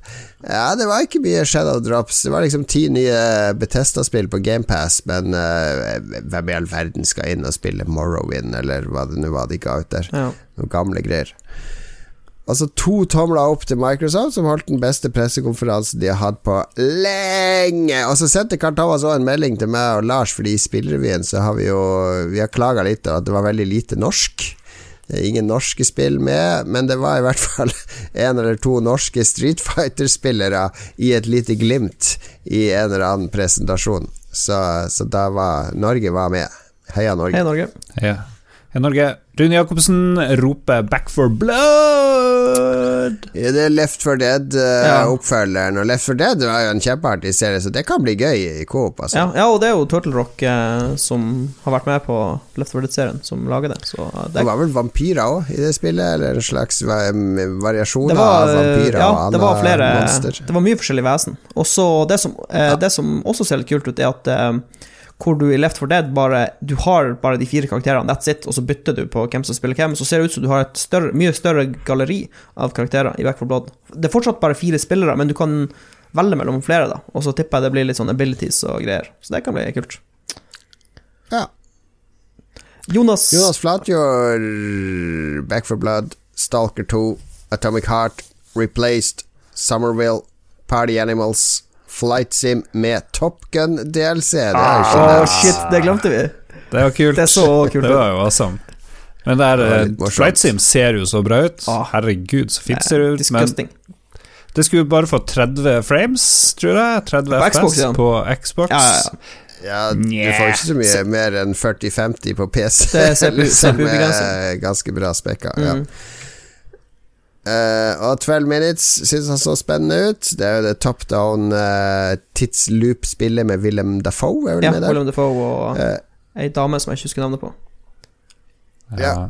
Ubisoft var litt skuffende, og Square Enix var enda verre. Devolver hadde den sykeste som alltid må ses. Ja, den må, hvis du bare skal se én pressekonferanse fra E3, så tror jeg du får mest utbytte av å se Devolver, for det er som å se en film. Ja. Eh, De andre er mer som å lide seg gjennom eh, masse pinlige presentasjoner. Ja. Tom Wilhelm Ødegaard, vår gamle venn. GamePass fremstår som must have mer enn noensinne, og begynner å bli enig der. Jon Cato hater GamePass, syns det er kjipt å få gratis ting. Nei, jeg, skal, jeg vil gjerne ha litt sånn statistikk på uh, hvor mye Altså, GamePass tror jeg gjør at folk prøver mange flere spill, men uh, det som du begynner å høre på en ny plate, et nytt album, og så stopper du etter to-tre sanger. Og så hopper du over til et annet album. Jeg tror folk uh, Jeg vet ikke om det er så sunt, egentlig. Ah, Det er bare masse on. spill som er tilgjengelig. Det Du, er blir ikke du får ikke noe eierskap til spillene og opplevelsene dine. Det er bare min mening. Jeg det må lov å si Ok, jeg går. Jeg gidder ikke mer. Hvis, jeg, hvis det bare blir sur stemning at jeg sier meninga mi, ha det! Å shit, der gikk jo Cato. Oi, han skrudde Vi visste- av. vi visste Å nei, å nei. Uh, okay, Kurt var- Arne Strømmen uh, syntes at høydepunktet var Nintendo Direct, og nedturen var at PlayStation ikke er med på denne hype-uka. Jeg ble litt satt ut av at Jon Cato bare skrudde av alt. Jeg Ja. visste ikke at han var Nei, men så vi må bare klare oss, Lars. nærtagende. Å, vent Glemte. Jeg glemte jeg har to øl, to øl igjen i kjøleskapet. Jeg tar det med meg. Ok, ja, ja at PlayStation ikke var med, det er litt kjedelig, da. Ja. Men Hva tid er det egentlig eh, de skal ha? Er det til høsten? Ja, det tror kanskje de kommer med noe i august-september. De pleier å ha noe på Paris Game Week og sånn. De har pleid å spare litt krutt til høsten. Ja. Jeg, er fakt, jeg kjenner jeg, jeg er faktisk litt spent på, eh, på Sony, for de har jo begynt å faktisk gi ut ting på PC òg, så jeg kjenner liksom at når Sony kommer med ting, selv. De har jo det, men de har jo, de har jo levert varene på PlayStation Eller de har ikke levert varene, for ingen får lov å kjøpe PlayStation 5. Men de har jo levert eh, årets beste spill i Returnal Ja. allerede.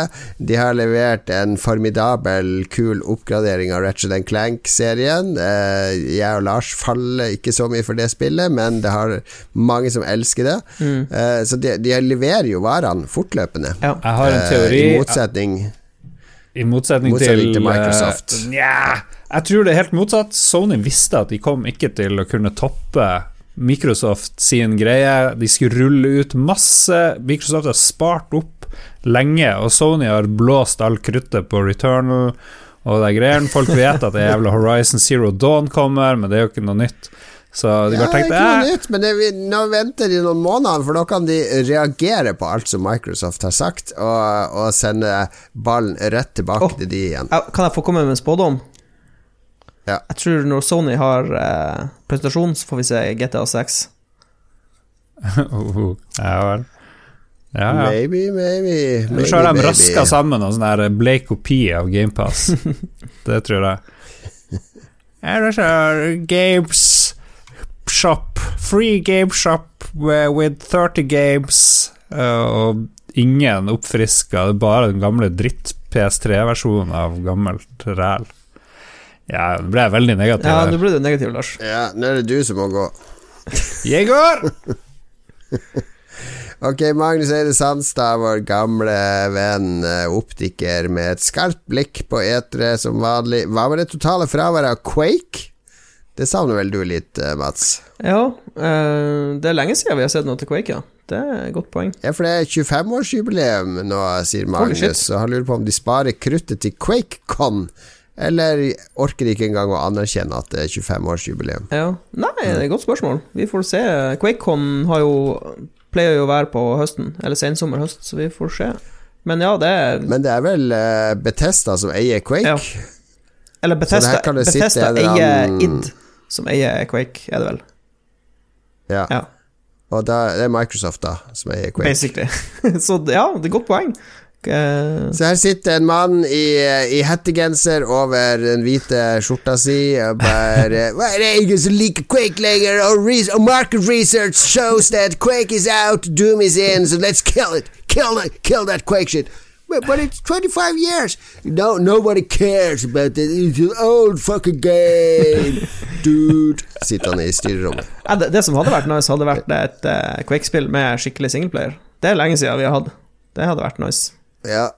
Har det vært singleplayer i Quake noen gang? Ja, Det jeg- første spillet var det bare multiplayer-brett Nei, du hadde jo eh, single- Du hadde singleplayer i Quake 1. Det var veldig sånn Det var ikke noe sånn klassisk singleplayer med supermye story, men det var brett du gikk gjennom og bekjempa fiender og bosser. ja. Og i Quake 2 hadde jo faktisk en skikkelig story. Da var det jo en sånn eh, soldat som krasja på en planet i en sånn pod, og så var det noen sånne Borg-aktige romvesen du slåss mot. Ja. Vi sier story i det bredeste Story. Story Aldri noen Ja, banebrytende story. story. Men det, det jeg husker best fra Quake, var selvfølgelig uh, Trent Ja. Reznor-soundtracket. Eh, og det var her han begynte å lage soundtrack, egentlig. Nine Inch siden Nails. Det har han jo blitt Ja, Nine Inch Nails er han jo fra. Der lagde han jo musikk. Men det var her han begynte å lage soundtrack. For han har jo laget soundtrack til masse serier og uh, TV-serier og filmer. Mm. Social Network. Uh, og også nylige TV-serier jeg har sett med Trent Reznor-soundtrack. Så eh, han slått seg stort på det. Ja. Martin Pettersen var imponert over alt som kommer til GamePass. Uh, Stalker 2 som høydepunkt. Starfield som hans største håp. Og Square Enix som det absolutte lavmål. Ja. Ja. Skal jeg fortelle hva som er galt med GamePass? Nå har jeg funnet okay, ut hva ja. som er galt. La oss si at du abonnerer på Netflix, og så ser du sånn show. Her er det som kommer på Netflix neste halve året. Bare Yes, yes, alt dette skal jeg se, alt dette skal jeg se. Det er jo ikke sånn det funker. For du sitter jo og ser Plukker ut filmer du skal se. Altså, kommer de på Netflix? Det er kult. Kommer de et annet sted? Det er helt kult, det òg. Så hvorfor, hvorfor det der commitmenten til GamePass? Hvorfor er det sånn at Yeah, yeah, det er på GamePass, da skal jeg spille det. Altså, det, det spiller jo ingen rolle. Hvis du er interessert i spill, så spiller du jo der de er tilgjengelig. Ja. Jeg vet ikke om, om, om folk hyller lettvinthet, lettvintheten, på en måte. At de kanskje, kanskje han har GamePass, han Martin Pedersen. Derfor er det lett for han, fordi Ja. han har det allerede, så da kommer spillene rett opp i fanget hans. Jeg vet ikke, kanskje det er noe sånn? Da slipper jeg min klaustaler-bombe, og så sier jeg Da er ikke Martin Pedersen og de andre ekte gamere. Boom! Der fikk du det! Boom! Der fikk du det! og nå er festen over. Nå gidder jeg ikke mer.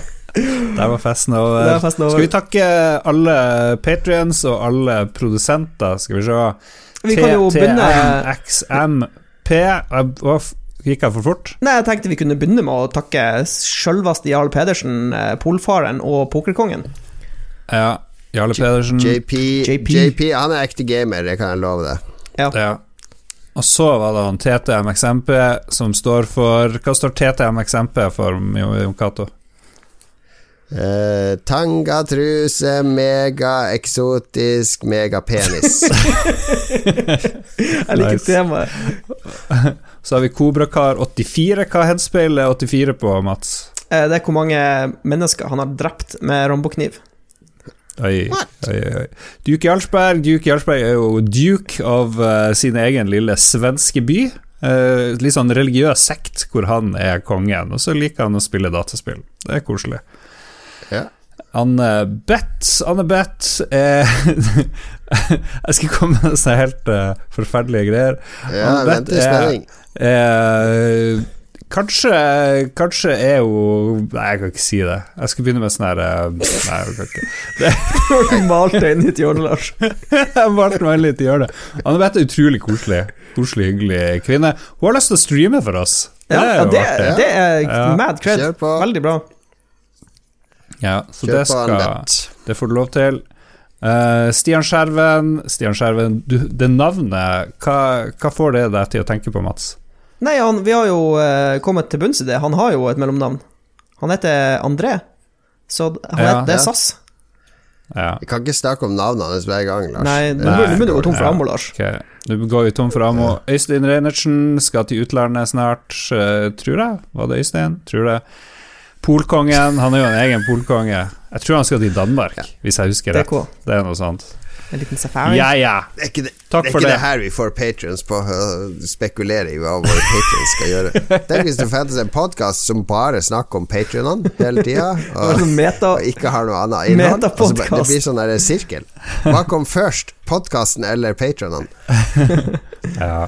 Nei, takk til alle som støtter oss på Patrones. Og takk til alle som veldig, hører veldig på. Vi setter veldig pris på det. Vi skal holde dampen oppe hele sommeren igjennom. Det blir, vi tar ikke noen sommerferie, vi i Lolbua. Vi tar, går heller rett i veggen og sykmelder oss.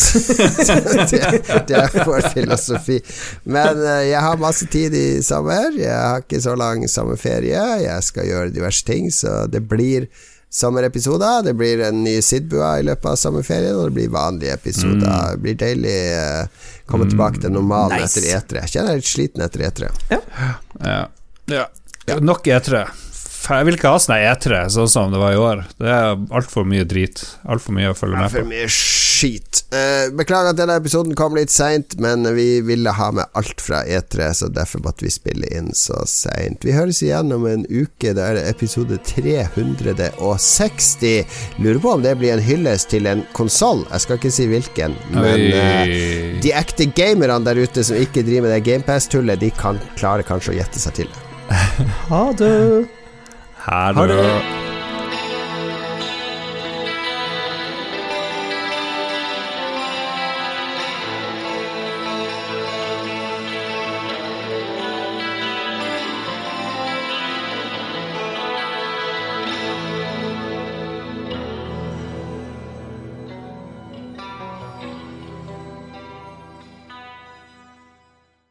Har du et enkeltpersonforetak eller en liten bedrift? Da er du sikkert lei av å høre meg snakke om hvor enkelt det er med kvitteringer og bilag i fiken, så vi eh, gir oss her, vi. Fordi vi liker enkelt. Fiken superenkelt regnskap.